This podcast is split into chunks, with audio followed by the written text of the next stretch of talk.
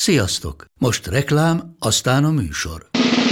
A műsor, valamint az élményekkel teli utazások, személyre szabott ajánlatok és állandó kedvezmények támogatója a Molmove hűségprogram. Nyisd meg a Molmove appot, a profilodba belépve add meg a Pogi promóciós kódot, és tankolj Molevo és Evo Plus üzemanyagjainkból 15 forint per liter kedvezménnyel. Ne feledd, a Pogi promókóddal most még jobban megéri Molmove tagnak lenni. Vége a reklámnak, jön a műsor.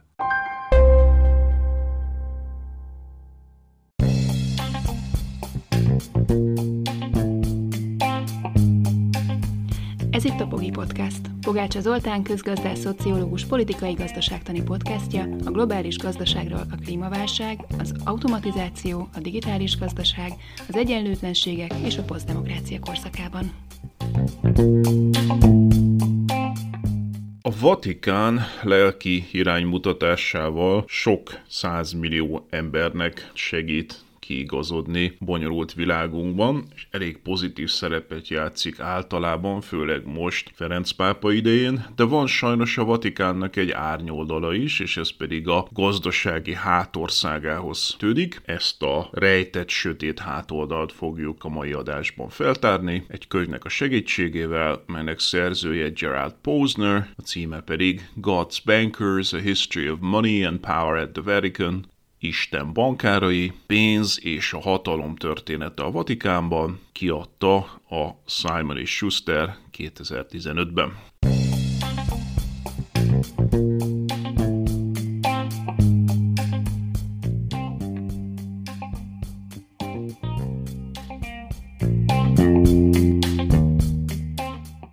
Katolikus egyház mindig is több volt, mint vallási intézmény. Az évezredek során jelentős mértékű gazdasági tevékenységet is folytatott. Már a középkorból ismeretes, hogy a katolikus egyház rendkívül korrupt intézményé vált. A luteri reformáció is azért jött létre, mert az egyház búcsú céldulákat árult, amelyel pénzért megváltást ígért. Ráadásul mások bűneiért is lehetett ilyet vásárolni. Sőt, egy idő után már úgymond a származtatott termékek piacára is belépett az egyház, egyfajta futures kontraktusként a jövőbeli bűnökre is lehetett búcsú cédulát váltani, illetve rendkívül elterjedt volt a simónia, az egyházi pozíciók pénzért árusítása.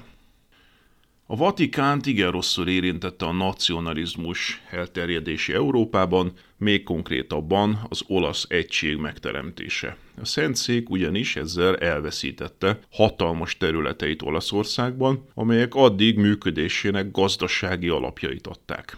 A pápa ezután hosszú ideig fogolynak tekintette magát Rómában, annak az egységes Olaszországnak a fővárosában, amelyet nem ismert el. A Vatikán folyamatos anyagi problémákkal küzdött. Ezen csak a fasiszta diktátorral Benito Mussolinivel kötött 1929-es Lateráni Egyezmény segített, amely helyreállította a katolikus egyház pénzügyi stabilitását. A Vatikán elismerte a fasiszta olasz államot, az pedig cserébe egy olyan hatalmas, úgymond kompenzációt fizetett a Szentszéknek, az egységes olasz államba beolvasztott egykori egyházi területekért, amely kitette az akkori olasz GDP harmadát, miközben Mussolini állama maga is komoly pénzügyi nehézségekkel küzdött. A hirtelen jött vagyont investálni kellett valahova, erre a feladatra a pápa külsős, világi pénzügyi szakembereket kért fel, ami máig tartó szokás maradt.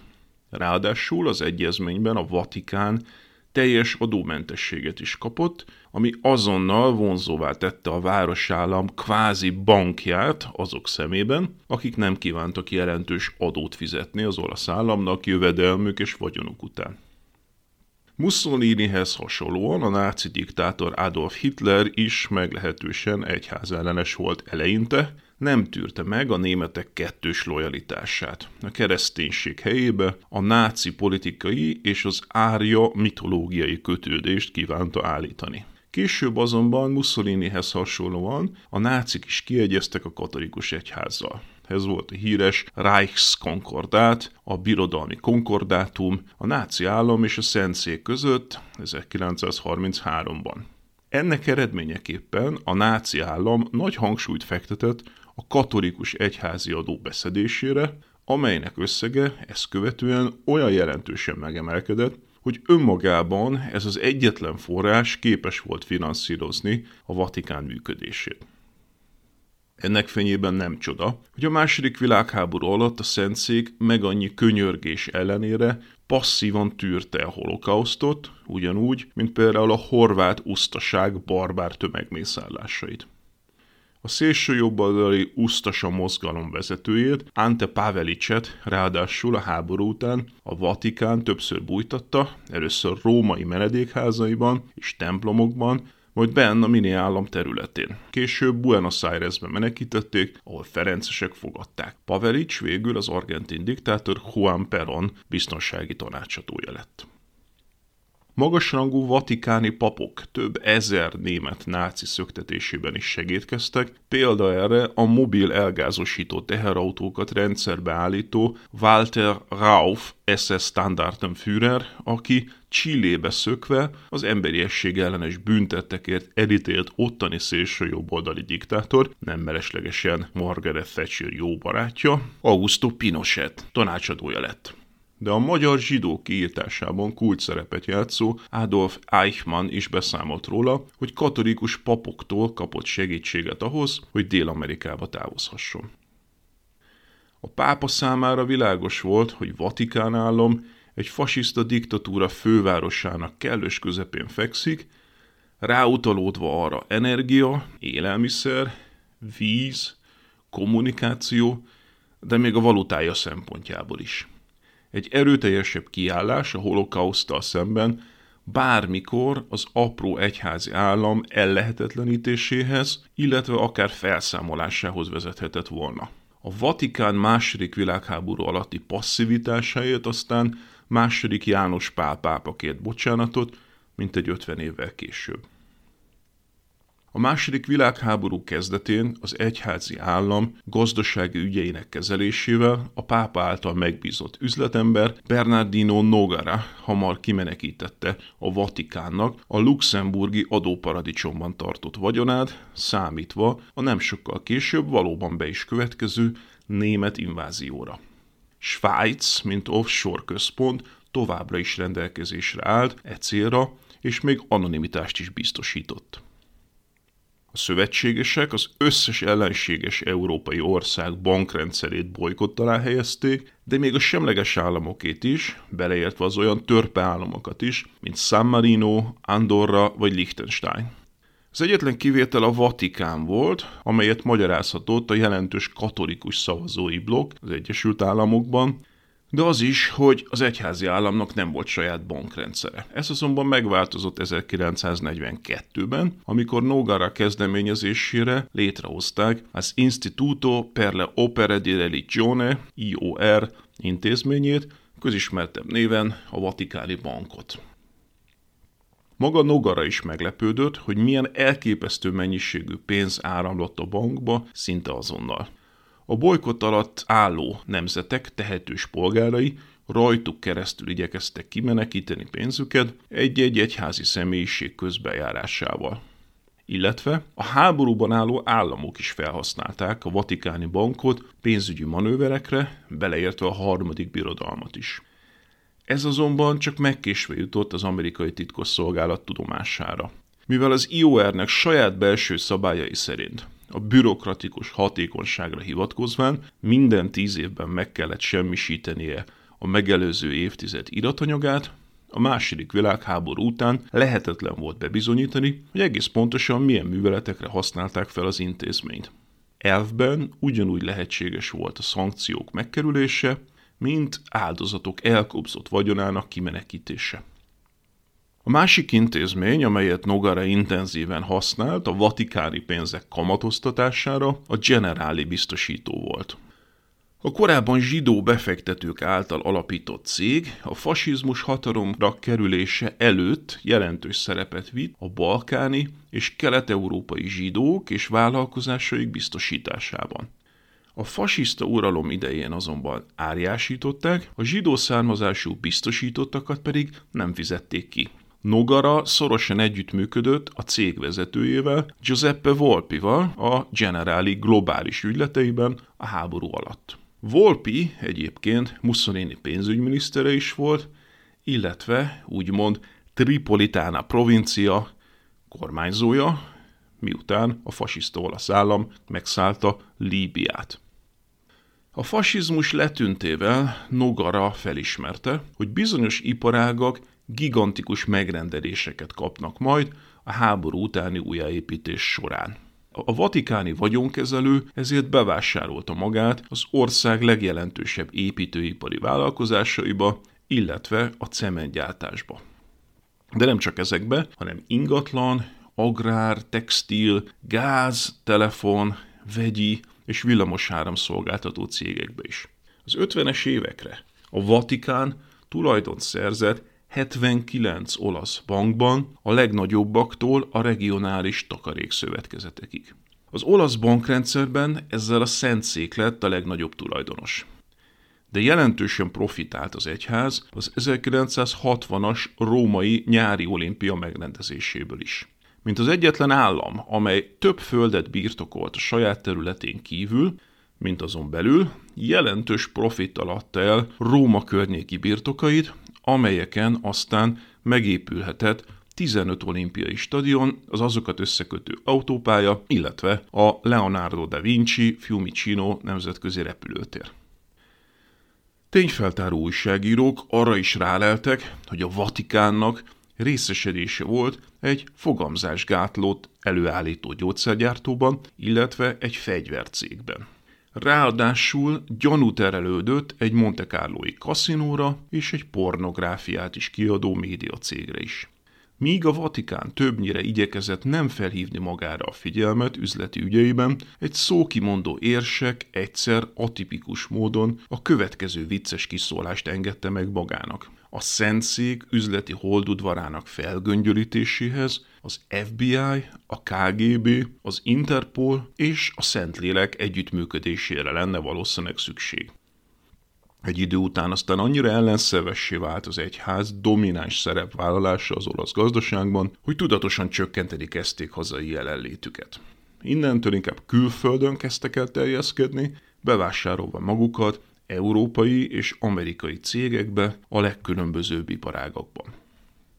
1967-ben az Aldo Moro vezette első koalíciós kormány, amelyben immár a szocialisták is helyet kaptak, megkívánta szüntetni a Vatikán lateráni egyezményben rögzített teljes adómentességét, amely hatalmas vesztességeket okozott az olasz költségvetésnek, és általános ellenszevnek örvendett az erősen balra tolódó Olaszországban. A pápa befolyásos üzleti szószólói hiába álltak ellent, az adómentesség megszűnt, ha bár az olasz állam továbbra is évről évre jelentős összegekkel támogatta a városállamot.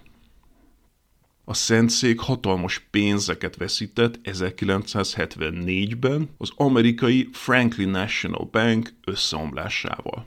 Ez volt addig a legnagyobb amerikai bankcsőd. A pénzintézmény korábban egy Michele Sindona nevű olasz üzletember vásárolta meg és vezette részben vatikáni pénzből. A rossz hitelezés és külföldi tranzakciók miatt a bank csődbe ment, Szindónát pedig megpróbálták letartóztatni az amerikai hatóságok. Ő azonban az olasz maffia segítségével megrendezte a saját elrablását Szicíliába, melynek során még lábon is lőtte magát, hogy hitelesebbnek tűnjön. Az amerikai hatóságok azonban lebuktatták, és börtönbe zárták csalásért, hamis tanúzásért, és mert egy bérgyilkossal megölette az őt vizsgáló olasz ügyészt. Szindona a börtönben ciános kávé elfogyasztása után meghalt. Isten bankára Roberto Calvi. A Vatikán kétségtelenül legnagyobb botránya azonban akkor robbant ki, amikor 1982-ben holtan találták Roberto Calvi, olasz bankárt, a Banco Ambrosiano nevű milánói bank vezérét. A londoni Blackfriars híd alján lógott felakasztva a víz felett. Először öngyilkosságra gondoltak a hatóságok, a nyomozás során azonban egy olyan komplex történet rajzolódott ki, amely nem csak hogy magába foglalta a komplet olasz gazdasági és politikai elitet, de a Vatikánt is, és, mint egy jófajta kalandregény, volt benne szabadköműves páholy, gyilkosságok és olasz történet révén természetesen a mafia. Különbség annyi volt, hogy ezt a történetet az élet írta, és mint oly sokszor izgalmasabb történetet írt, mint bármely regényíró. Roberto Calvi a Szent Ambrusról elnevezett katolikus milánói bank vezetőjévé küzdötte fel magát egyszerű fiókvezetőből. A katolikus jelző itt azt jelentette, hogy sem munkatárs, sem pedig ügyfél nem lehetett senki, aki nem tudott bemutatni egy keresztlevelet. Az Ambrosiano Roberto Calvi alatt komoly nemzetközi terjeszkedésbe kezdett, és nem csak üres offshore fiókintézeteket hozott létre Svájcban és karibi adóparadicsomokban, hanem ezeket ráadásul különböző politikai célokra is használta. Calvi tagja volt egy titkos szabadköműves hálózatnak, amelyet egy Licio Gelli nevű fasiszta alapított és működtetett. A szabadköműves hálózat neve Propaganda Due, azaz Propaganda 2 volt, tudatosan az Olaszországot annak idején egyesítő Giuseppe Garibaldi egykori szabadkőműves szervezete után neveztek el, amelyet szintén propagandának hívtak. Amikor később a Propaganda Due lebukott, és egy parlamenti vizsgálóbizottság felgöngyölítette a tagságát, az a világháború utáni Olaszország egyik legnagyobb politikai és gazdasági botrányává vált, és az akkori kormány bukásához is vezetett. A páholynak tagja volt az olasz politikai és gazdasági elit meghatározó része, többek között egyébként a későbbi miniszterelnök és börtönviselt üzletember Silvio Berlusconi is, akkor még fiatalon. Szintén tagja volt a korábban említett Mikéle Szindóna üzletember is. Lebukásuk előtt az Ambrosiano bankot ezek a szabadkőművesek arra használták fel, hogy különböző latinamerikai szélsőjobboldali kormányokat támogassanak belőle. Odahaza Olaszországban pedig felvásárolták a Corriere della Sera nevű országos jelentőségű lapot, hogy még több politikai befolyásra tegyenek szert. A Vatikán szerepvállalása a bank működésében ahhoz kötődően került napvilágra, hogy az Ambróziánót felhasználták mint egy 40 millió USA dollár értékű támogatás Lengyelországba csempészésére, amelyel a szolidaritás mozgalmat segítették. A katolikus egyház hagyományosan óckodik a szabadkőművesektől, azokat vallásellenes szervezetekként bélyegzi meg. A jobboldali P2 esetében azonban fenntartások nélkül együttműködtek a páholyal. A Calvi halálához vezető botrány akkor robbant ki, amikor a milánói ügyészség letartóztatta Calvit, miután az Ambrosiano tiltott ügyleteket folytatott a milánói tőzsdén, és jogellenesen juttatott pénzeket külföldre. Calvi kutyaszorítóba került, nem csak azt nem szabadott bevallania, hogy az ügyleteket a Vatikán és a P2 szabadkőműves Páholy nevében folytatta, hanem az sem, hogy a bank szövevényes nemzetközi hálózatában ekkorra már egy gigantikus luktátongott elképesztő összegekkel nem tudott elszámolni Kálvi, amelyeket a nemzetközi pénzek mozgatásával tudott csak ideig óráig elfedni, amíg idegesen próbált új külső finanszírozáshoz jutni. 1978-ban az Olasz Nemzeti Bank vizsgálódni kezdett, egy 20 fős auditor csapat 6 hónapon keresztül szűrte át tüzetesen az Ambrosiano könyveit.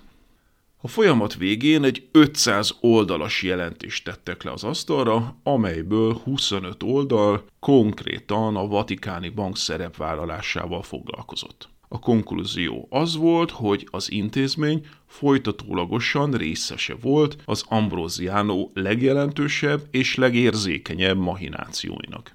Az óvadékkal szabadlábon lévő Calvi ezen a ponton egy csónakon a Triesti öblön keresztül Szlovéniába menekült, majd Ausztrián át Londonba. Milánóban az Ambrosiano Bank igazgató tanácsa tudomás szerzett a hatalmas hiányról, Kávit távollétében leváltották, a titkárnőjét pedig vagy kilökték egy negyedik emeleti ablakból a bank épületében, vagy magától ugrott. Nem tudni, hogy Kávi értesülte mindenről, ám nem sokkal később már ő maga is holtan lógott a Blackfriars híd alján. A halál körülményei alapján kevesen hitték csak el, hogy öngyilkos lett. Minden esetre a táskája, amelyben a Vatikánra és a P2-re terhelő iratokat tartotta, eltűnt a helyszínről. A Blackfriars szó jelentése egyébként szó szerint fekete szerzetesek. Az amerikai PBS televíziótársaság a BBC-vel közösen dokumentumfilmet készített az esetről, amelynek címe Calvi olaszországi gúnyneve volt Isten bankára. Második János Pál pápa két vizsgálóbizottságot is felállított a Vatikán üzleti ügyeinek kivizsgálására és rendbetételére. Az egyikben 15 bíboros faggatta a Vatikáni bank vezetőit, a másik sokkal inkább szakmai testület volt, négy tekintélyes európai bankárt kértek fel ugyanezen ügyek vizsgálatára. A Szentszék nem bízott semmit a véletlenre, mind a négy bankár milyen hívő katolikusként volt ismert, akikről sejteni lehetett, hogy nem fognak kínos információkat kiteregetni a sajtó felé.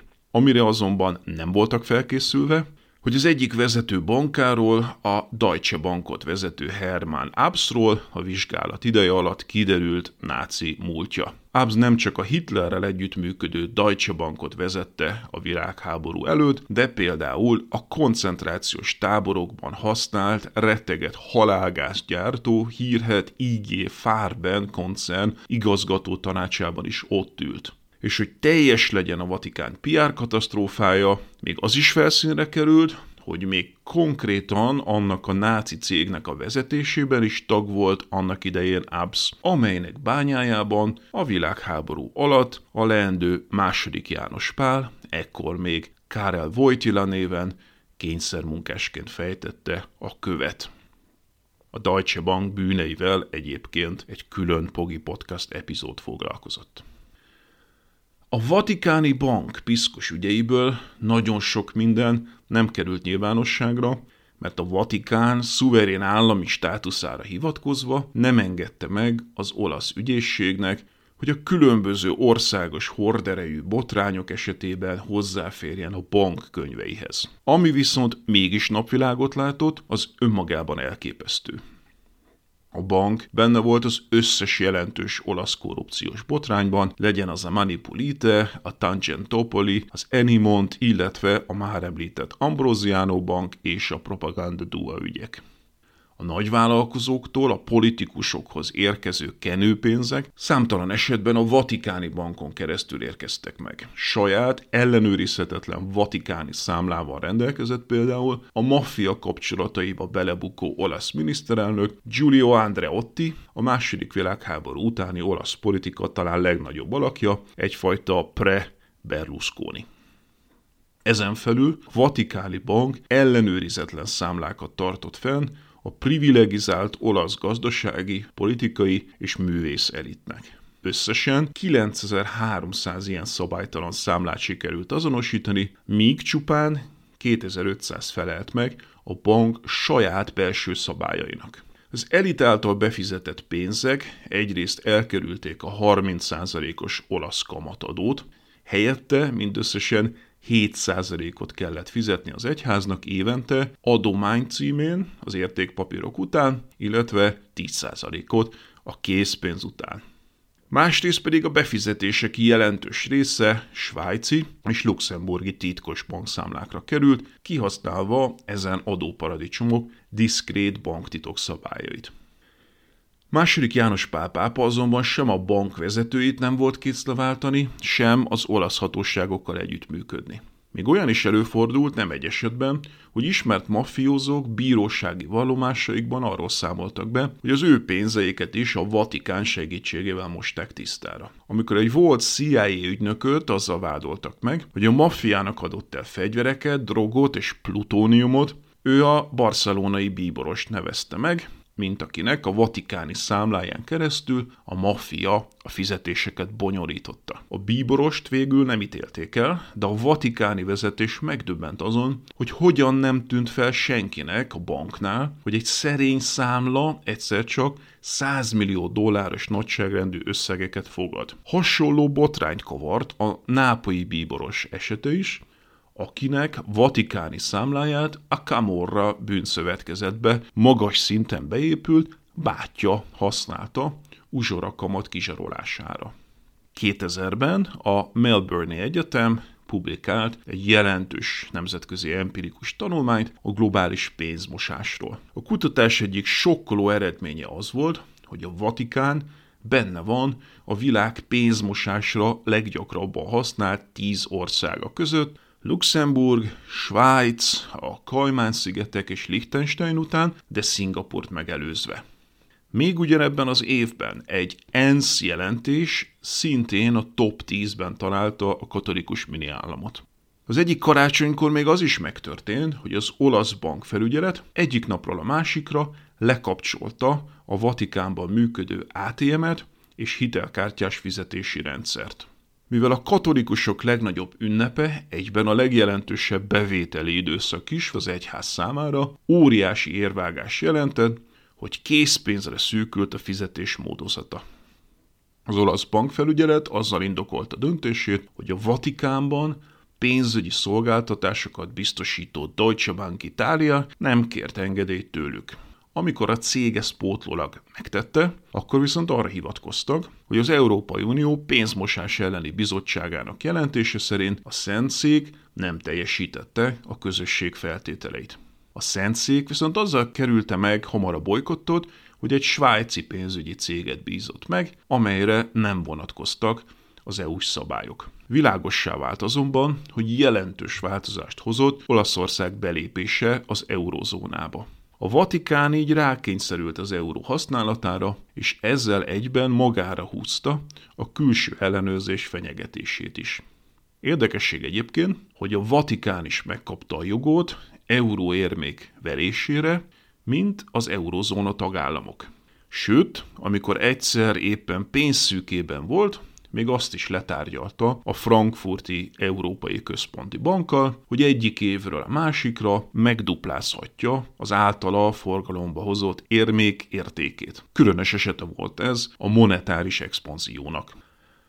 A hidegháború lezárultával az egykori háborús bűnök is könnyebben kutathatóvá váltak. A 90-es években ismét napirendre került a náci zsákmány és a horvát usztaság fosztogatásainak eredménye. A holokauszt áldozatainak leszármazottai pereket indítottak számos ország ellen, amelyek aztán megnyitották archívumaikat. A leghíresebb eset Svájc volt, a kérdéssel foglalkozó Eisenstadt jelentés szerint csak a nácik körülbelül 7,6 milliárd dollárnak megfelelő aranyat zsákmányoltak a megszállt területeken, 2014-es árakon kifejezve, és ennek körülbelül a felét Svájcba menekítették.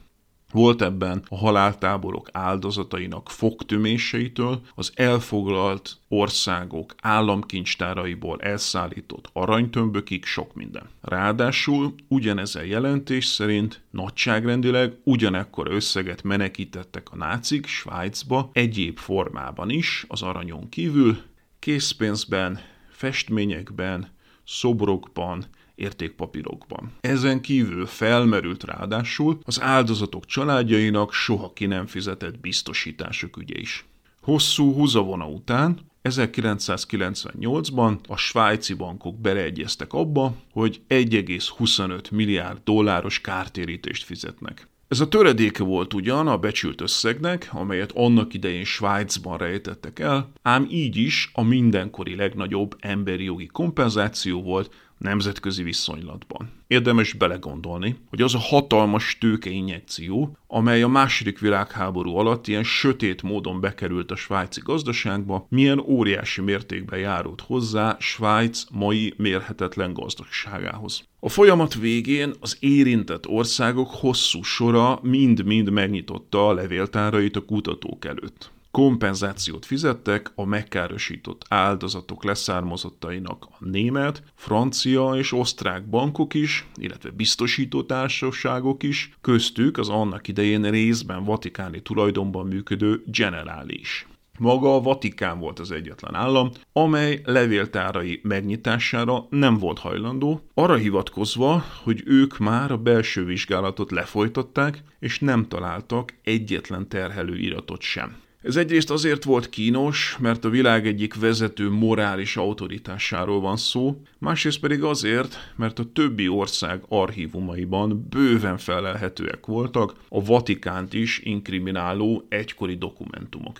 Különösen felkavaró volt, hogy a nemzetközi vita kellős közepén kiderült, hogy az évente millió zarándok helyéül szolgáló portugál fatimai szüzanya templomának szerzetesei a világháború alatt 110 font súlyú, keresztel megpecsételt aranyat bújtattak, amelyet a nácik korábban holland zsidóktól tulajdonítottak el. Az értékesített aranyért kapott összeget a szerzetesek aztán később elköltötték. Hasonló vihart kavart az úsztaság Vatikánba menekített zsákmánya is, mint egy 200 tonna arany, amelyet a horvát fasiszták szerbektől és zsidóktól vettek el, és amelynek egy része a háborús bűnös Ante Pavelicsel együtt minden valószínűség szerint Dél-Amerikában kötött ki, a Vatikán és a Ferences rend segedelmével. A Vatikán ezen esetben sem volt hajlandó megnyitni levéltárát, ellenben második János Pál pápa elutazott Zágrába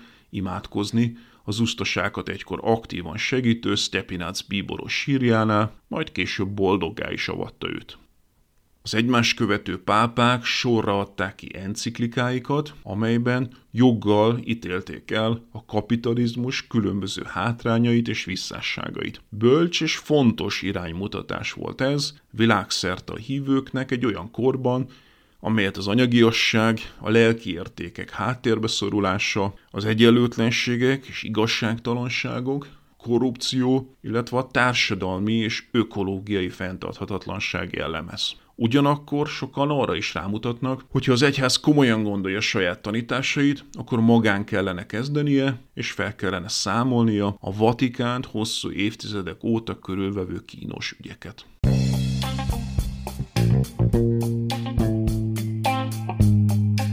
Ez volt ma a Pogi Podcast. Ha vitába szállnál az elhangzottakkal, vagy témát javasolnál, keresd a Pogi blog oldalt a Facebookon. Ha támogatnád a podcastot, azt a www.patreon.com per Pogi Podcast oldalon teheted meg. Köszönjük!